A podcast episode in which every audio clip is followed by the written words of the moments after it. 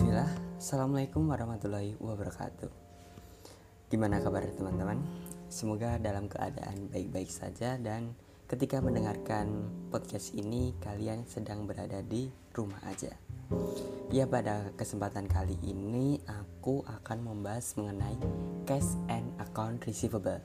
Ya tepatnya kas dan piutang uh, untuk orang awam mungkin beranggapan bahwa kas ini adalah uang tunai. Ini juga tidak salah, tapi untuk lebih lanjutnya mari kita pelajari bersama-sama.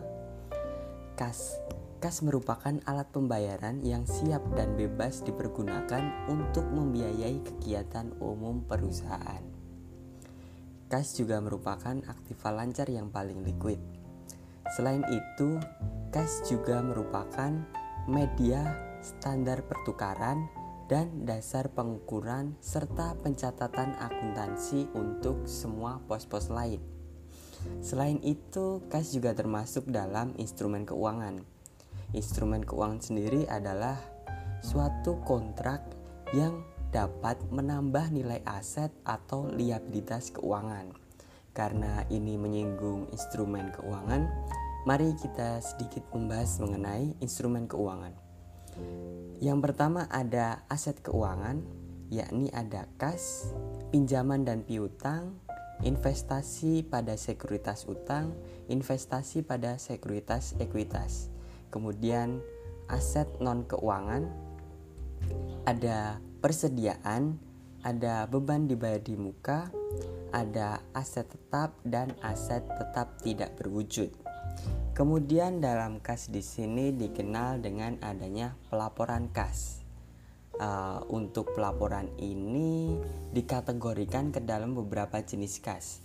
Yang pertama ada kas dalam pembatasan atau kas yang dibatasi penggunaannya. Contoh, di sini ada kas kecil, penggajian dan dana dividen.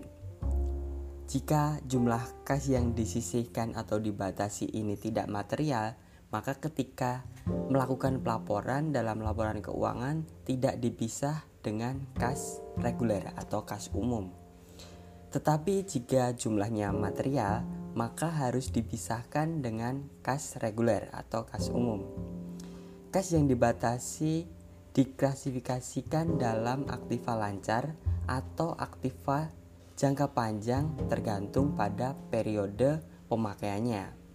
Kemudian untuk jenis yang kedua ada overdraft bank. Overdraft bank. Maafin. Overdraft bank terjadi apabila suatu cek ditulis dalam jumlah yang melebihi rekening kas. Jadi cek tersebut di jumlah ditulis dengan jumlah nominal yang lebih tinggi daripada saldo kas yang kalian miliki di suatu bank. Overdraft bank ini dikelompokkan ke dalam kewajiban lancar atau utang usaha. Jika jumlahnya material, maka harus diungkapkan dalam catatan atas laporan keuangan agar jelas uh, ini sebagai apa dan nominalnya berapa karena ketika akuntansi itu material sangat penting. Kemudian ada ekuivalen kas atau setara kas. Ini merupakan investasi jangka pendek yang sangat liquid. Yang pertama, segera dapat dikonversikan menjadi kas. Yang kedua, begitu dekat dengan jatuh tempo, umumnya tiga atau kurang dari tiga bulan. Jadi sama dengan kurang dari sama dengan tiga bulan. Nah, seperti itu. Yang selanjutnya kita akan membahas lebih detail mengenai kas kecil. Oh iya, kas kecil ini tadi termasuk ke dalam pembatasan kas atau kas yang dibatasi penggunaannya. Dana kas kecil adalah uang kas yang tersedia untuk membayar pengeluaran yang jumlahnya relatif kecil dan tidak ekonomis bila dibayarkan dengan cek. Jadi di kas kecil ini ada dua metode pencatatan. Yang pertama ada metode impress. Di dalam sistem ini jumlah dalam rekening kas kas kecil selalu tetap, yaitu besarnya diserahkan kepada kasir kas atau sesuai dengan kebijakan dari perusahaan. Dalam sistem impres ini, pengeluaran-pengeluaran tidak dicatat pada saat uh, terjadinya pengeluaran, tetapi dicatat ketika jadwal pengisian ulang atau pengisian kembali kas kecil ini. Kemudian kita lanjut di metode yang kedua, yakni ada metode fluktuasi. Dalam metode ini saldo rekening kas kecil selalu berubah-ubah dengan jumlah pengisian kembali dan pengeluaran pengeluaran dari kas kecil. Jadi uh, untuk poin utamanya dari perbedaan ini adalah saldo dari metode impres akan selalu tetap dan uh, untuk saldo pada metode fluktuasi akan berubah-ubah. Semisal uh, untuk waktu pengisian metode impres yakni kita asumsikan di awal bulan di 1 April katakanlah seperti itu di situ akan terjadi jurnal kas kecil di debit dan kas biasa atau kas reguler itu di kredit sesuai nominal dari kebijakan perusahaan. Kemudian untuk metode impres ketika kas kecil ini digunakan tidak ada jurnal sama sekali atau tidak ada pencatatan sama sekali.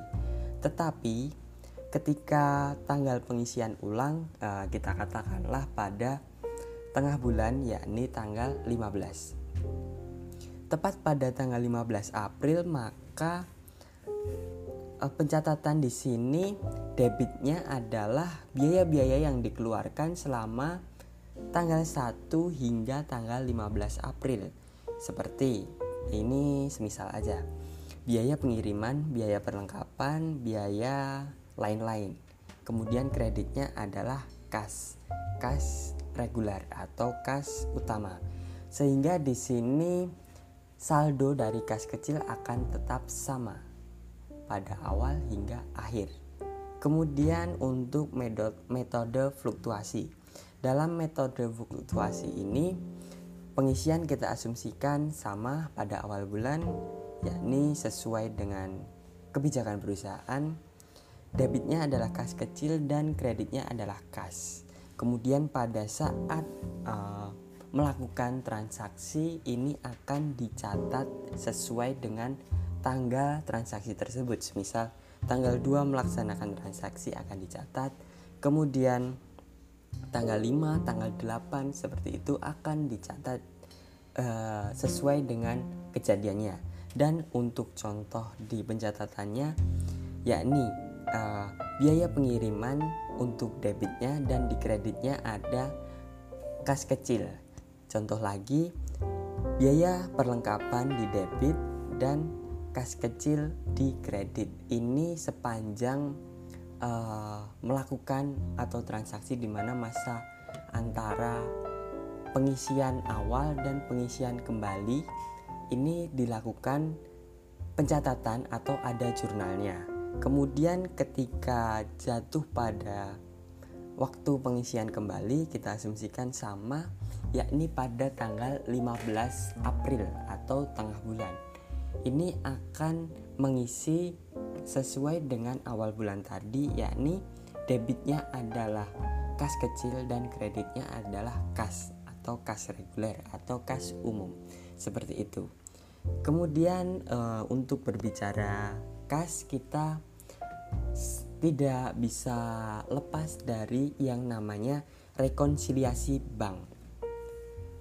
Penyebab-penyebab adanya rekonsiliasi bank yang pertama yakni adanya deposito dalam perjalanan atau deposit in transit, yakni deposit kas akhir bulan yang telah dicatat dalam pembukuan perusahaan tetapi untuk di bank sendiri belum dicatat oleh bank hingga menunggu di bulan berikutnya seperti itu. Sehingga akan timbul perbedaan antara saldo di bank dan saldo di perusahaan.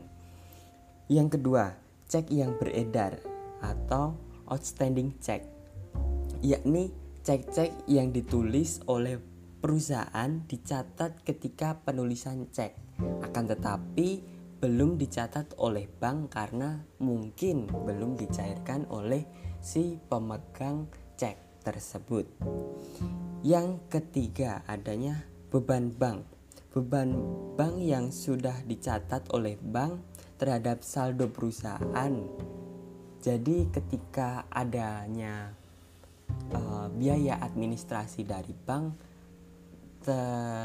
secara langsung perusahaan dapat mengetahui itu lebih dulu daripada perusahaan karena ketika bank melakukan ada menetapkan adanya biaya maka langsung dikurangin dengan saldo yang ada di bank tetapi uh, untuk perusahaan akan menunggu laporan dari bank sehingga nanti akan terjadi selisih biasanya sebesar biaya administrasi seperti itu.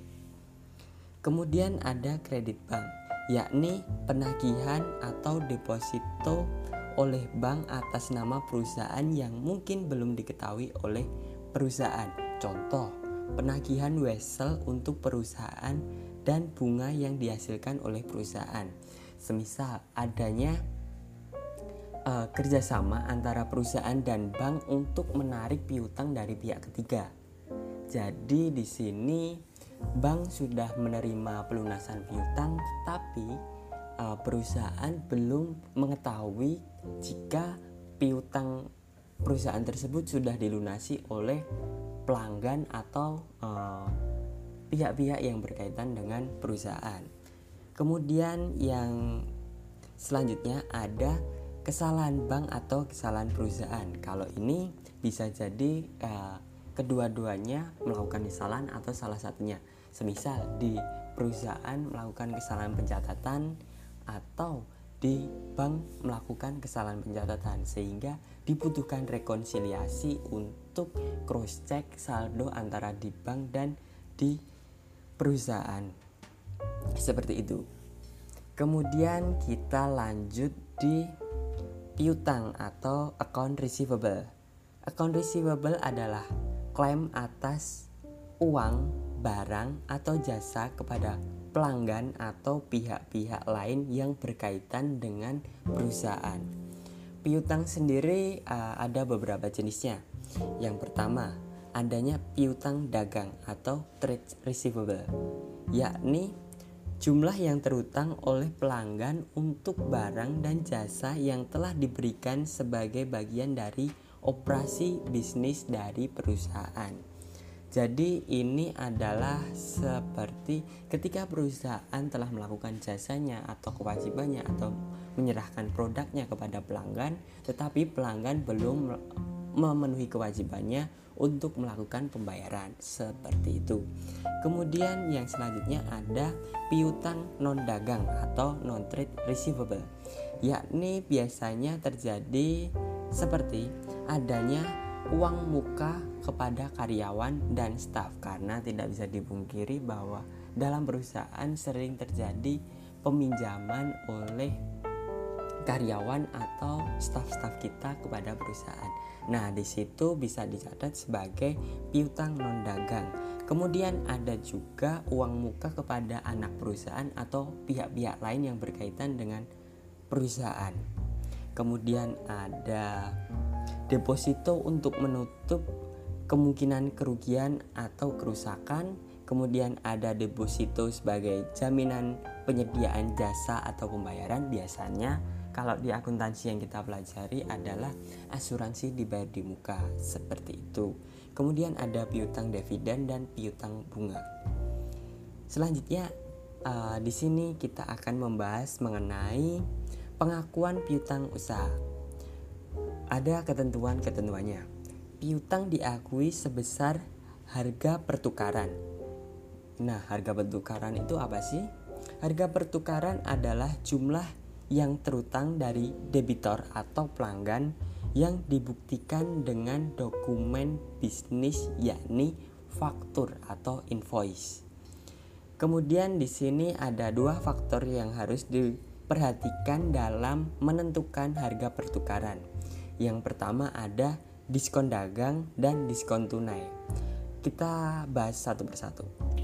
Diskon dagang untuk menghindari perubahan yang sering terjadi dalam katalog. Kemudian tidak dicatat dalam pembukuan. Yang ketiga, pembelian ditagih harga bersih. Uh, untuk mempermudahnya, diskon dagang ini sering kita sebut dengan rabat. Jadi ketika uh, di perusahaan atau supplier kita mengenakan atau bahkan perusahaan kita mengenakan uh, diskon ini atau rabat lebih seringnya atau lebih mudahnya disebut dengan rabat maka akan dicatat secara bersih tidak dicantumkan uh, sebagai diskon karena memang langsung dicatat secara bersih atau secara dari harga awal sudah dikurangin dengan diskon tersebut. Kemudian yang kedua ada diskon tunai. Nah, ini yang sering kita sebut sebagai diskon, yakni uh, ada beberapa tujuan karena biasanya ada uh,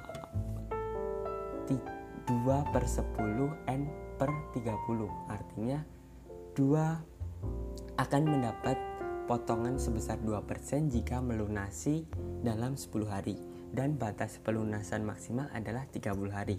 Ini ditujukan sebagai insentif untuk uh, perusahaan atau pihak-pihak yang berkaitan dengan kita melunasi piutang mereka, piutang kita agar lebih cepat, agar dana yang kita terima segera kita, dapat kita gunakan untuk keperluan yang lain. Kurang lebih seperti itu.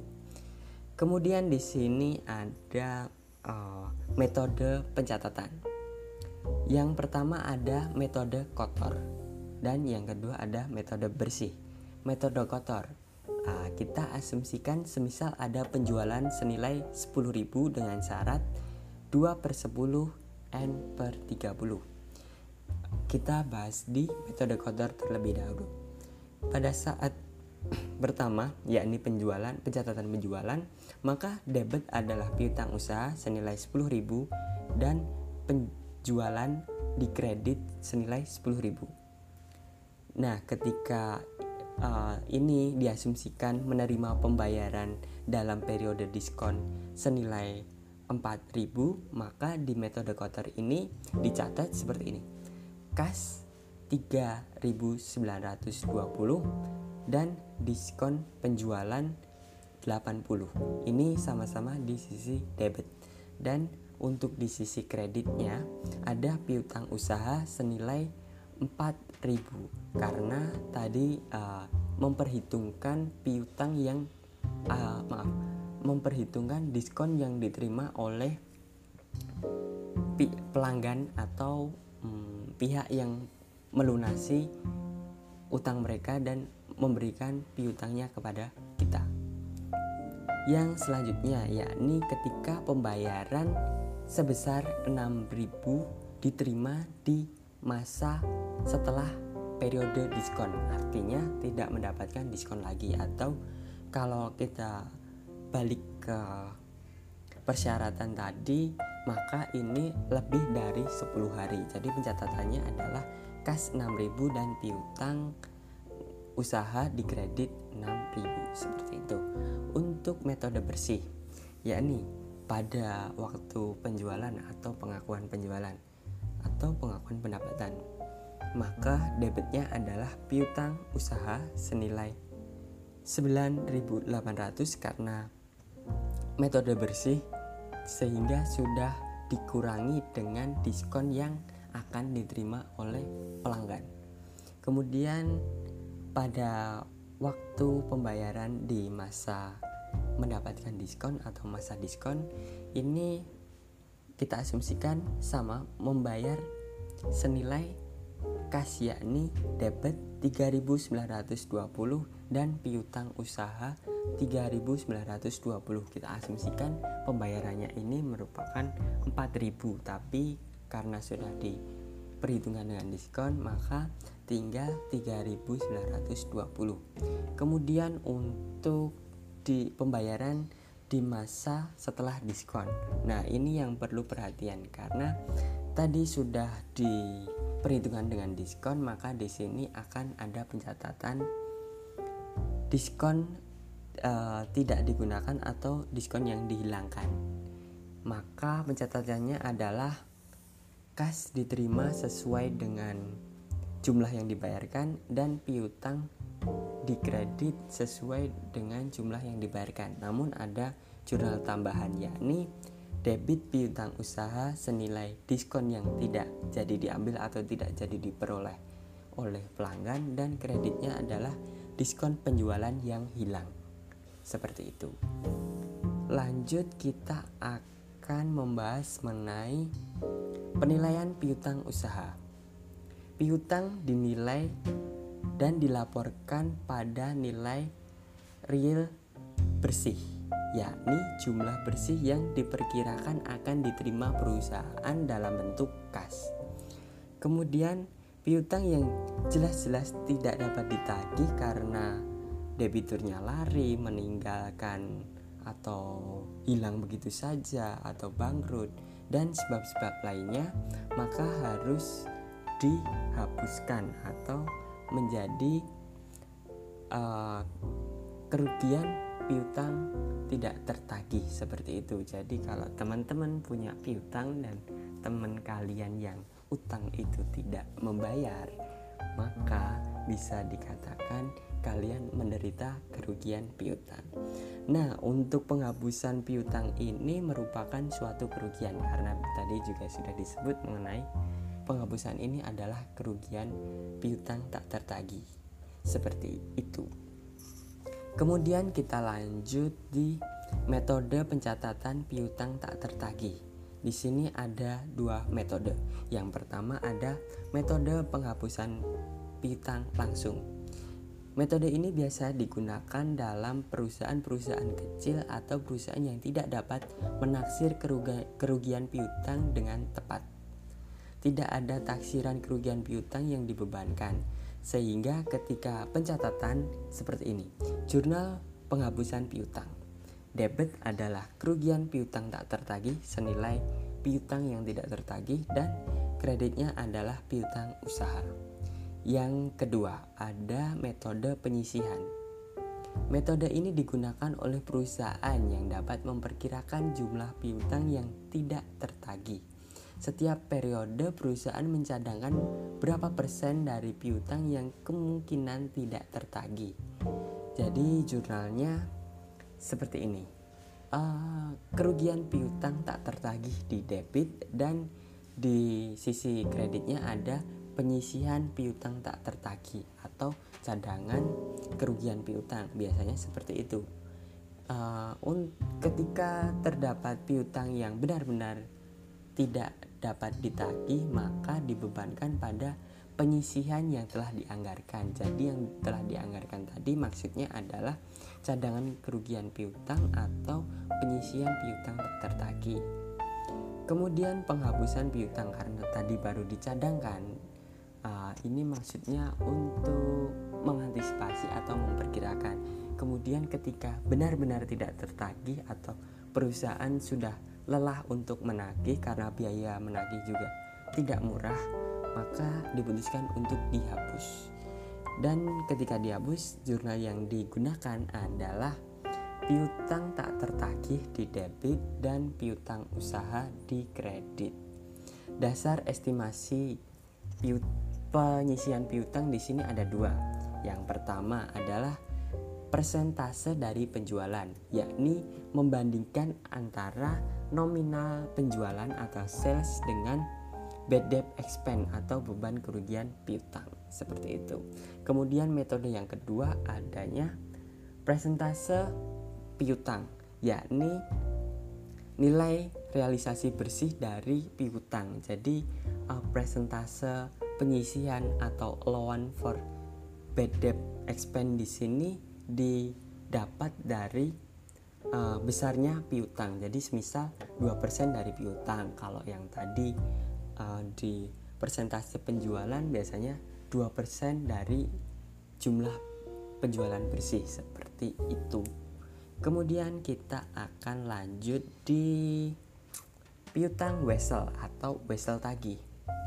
Instrumen yang dapat dinegosiasikan terus di sini ada dua jenis yakni wesel berbunga dan wesel tanpa bunga atau bunga nol. Tetapi uh, di sini maksud dari wesel tanpa bunga atau bunga nol di sini bukan berarti tidak memiliki bunga, bunga, tetapi bunganya sudah diperhitungkan ke dalam nilai nominal wesel. Baik, mungkin cukup untuk podcast pada kesempatan kali ini. Terima kasih telah mendengarkan podcastku.